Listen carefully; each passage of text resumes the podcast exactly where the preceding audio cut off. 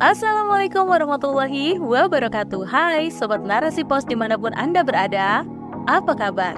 Semoga selalu dalam lindungan Allah Subhanahu wa Ta'ala. Saya Giriani akan membawakan sebuah naskah yang ditulis oleh Ragil Rahayu SE dalam rubrik opini dengan judul Lara Dunia Ketiga di bawah Demokrasi. Narasipos.com cerdas dalam literasi media, bijak menangkap peristiwa kunci. Istilah dunia ketiga sejak awal pencetusannya sudah menunjukkan adanya subordinasi negara-negara di dunia. Dunia pertama adalah negara-negara pendukung Amerika Serikat atau AS dan dunia kedua adalah pendukung Uni Soviet. Sedangkan dunia ketiga adalah sisanya. Dari istilah yang muncul saat era perang dingin ini, tampak perspektif berasal dari pihak dunia pertama, yaitu Amerika Serikat sekaligus menunjukkan dominasinya. Hal ini seperti dalam sebuah percakapan. Saya orang pertama, kamu orang kedua, dan dia orang ketiga. Orang pertama dan kedua aktif bercakap-cakap, sedangkan orang ketiga pasif hanya sebagai objek yang dibicarakan. Hal ini menggambarkan realitas dunia ketiga dalam konstelasi dunia, yaitu sebagai negara-negara yang dijajah dan dieksploitasi oleh negara-negara dunia pertama dan kedua Sebenarnya, ada upaya pergerakan dari negara-negara dunia ketiga, yaitu dengan mengadakan beberapa konferensi internasional. Misalnya konferensi Asia Afrika pada 1955 di Bandung, konferensi Beograd pada 1961, dan beberapa konferensi lanjutan. Sayangnya, ide awal gerakan ini sudah berasal dari Inggris yang lalu dibisikan pada Nehru. Selanjutnya, Uni Soviet, China, Inggris, dan Amerika Serikat berusaha memanfaatkan konferensi tersebut meski akhirnya Inggris kecewa karena konferensi mengeluarkan deklarasi kemerdekaan.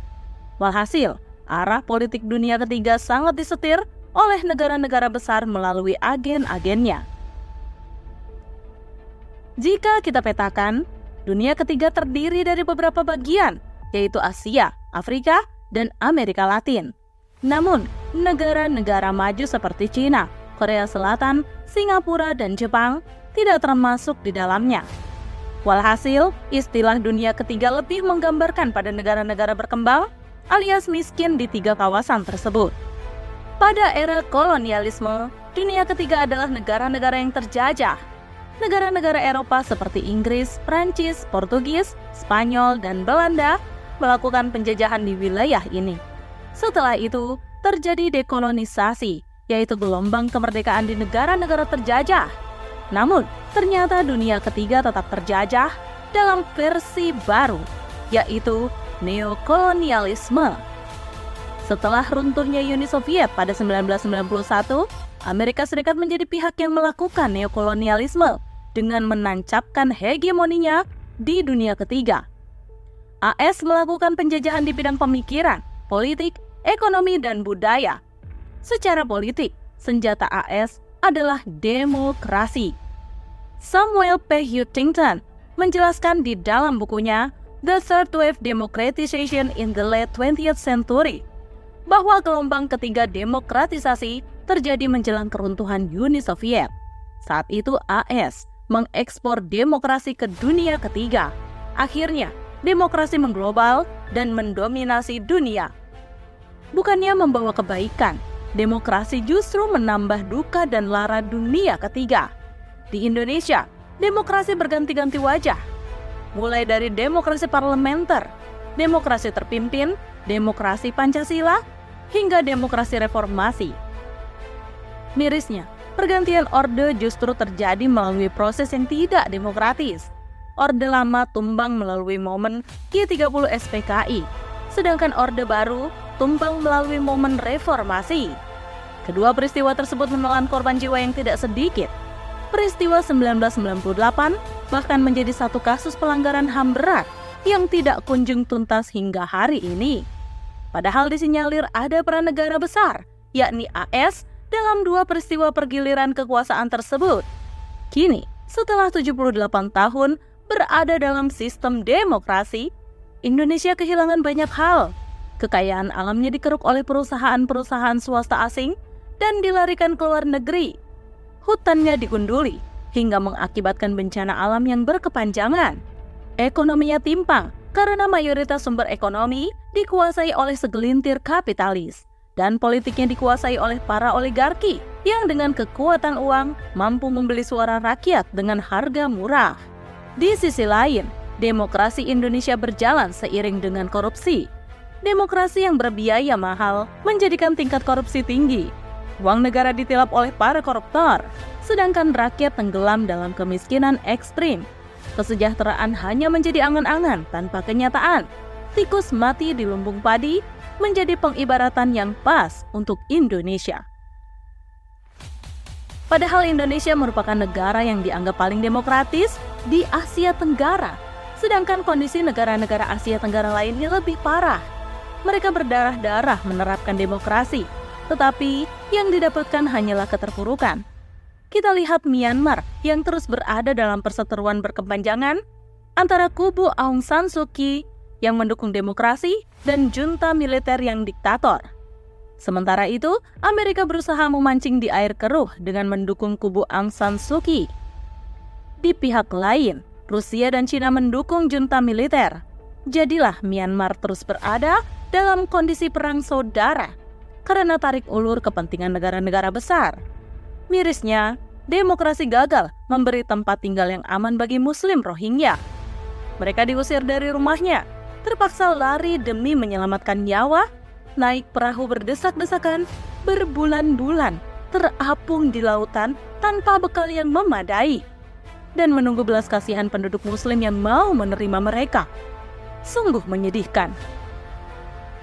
Demokratisasi yang berdarah-darah juga terjadi di Filipina. Setelah pemerintahan diktator Oliver Ferdinand Marcos pada era 1965 hingga 1986, kini sang putra, Bongbong Marcos berkuasa Meski mengadakan pemilihan secara demokratis, pemerintahan Filipina diwarnai dengan kekerasan, kriminalisasi, pembunuhan, pemberangusan media dan oposisi, serta korupsi yang parah.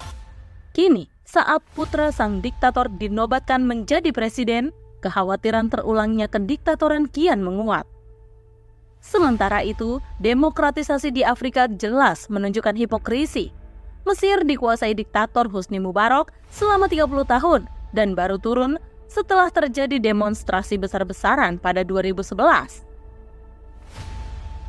Setelah Husni Mubarak tumbang, seharusnya yang berkuasa adalah Muhammad Mursi yang memenangkan pemilu secara demokratis. Namun ternyata, Jenderal Abdul Fattah al-Sisi menggulingkan Mursi pada 2013 dan berkuasa hingga hari ini dengan restu Barat atas kediktatoran Husni Mubarak dan Sisi, Barat yang katanya paling demokratis, ternyata bungkam seribu bahasa dan membiarkan kediktatoran itu merajalela.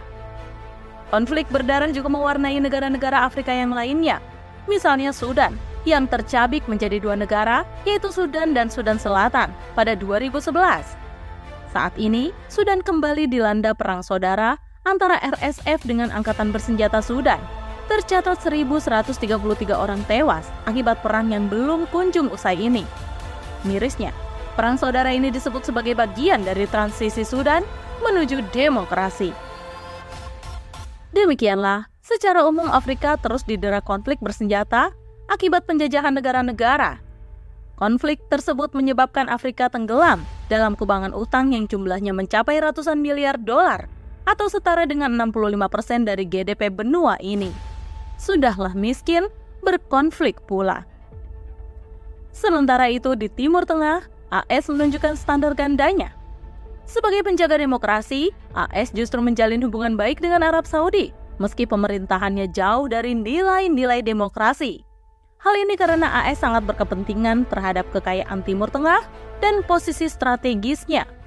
Di sisi lain, sebelum Arab Spring, AS mendukung rezim tiran yang berkuasa saat itu, setelah Arab Spring, AS membajak revolusi tersebut demi membelokkan arah perjuangan umat Islam ke arah Islam moderat dan menghalangi kebangkitan Islam yang hakiki.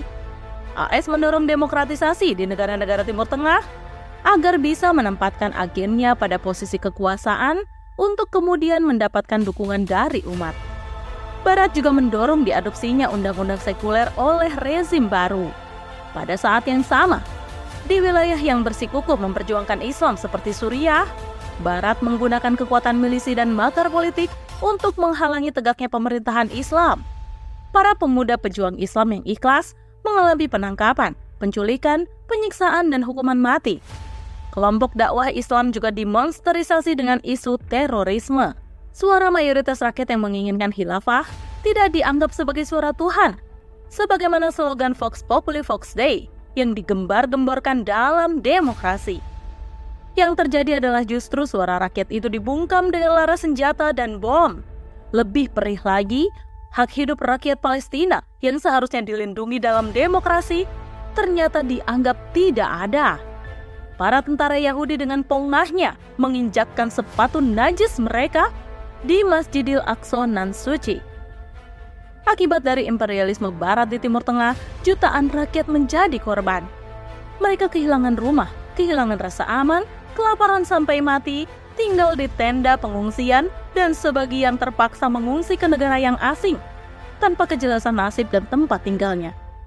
Demikianlah keadaan umat Islam hari ini di bawah demokrasi centang perenang seperti buih di lautan sebagaimana yang pernah Rasulullah Shallallahu alaihi wasallam gambarkan. Hal ini karena demokrasi memang bukan sistem yang adil. Demokrasi didesain untuk menguntungkan bagi para penjajah saja.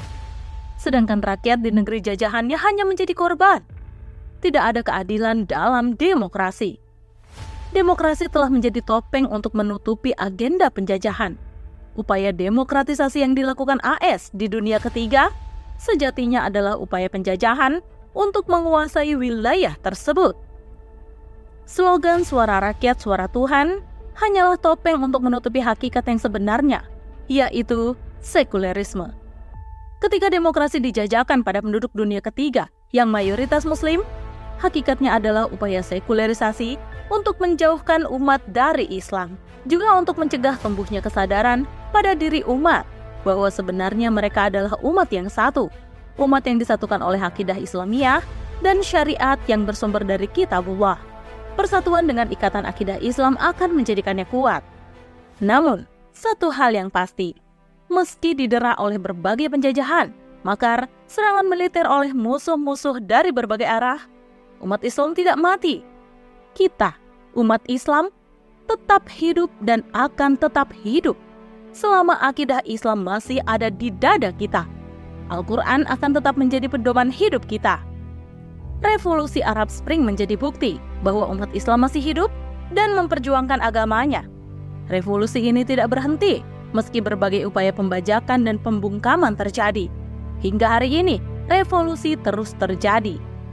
Kita di sini, di Indonesia, harus mengambil peran sebagai pemuda muslim yang memperjuangkan Islam Langkah pertama adalah dengan meninggalkan demokrasi yang terbukti gagal dan menjadi alat penjajahan. Selanjutnya adalah menerapkan sistem pemerintahan Islam, yaitu khilafah yang akan mewujudkan keadilan dengan penerapan hukum-hukumnya yang berasal dari wahyu.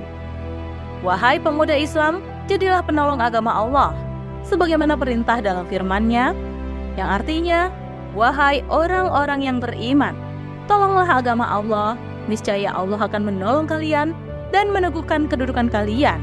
Quran Surah Muhammad ayat 7 Wallahu a'lam bisawab. Wassalamualaikum warahmatullahi wabarakatuh.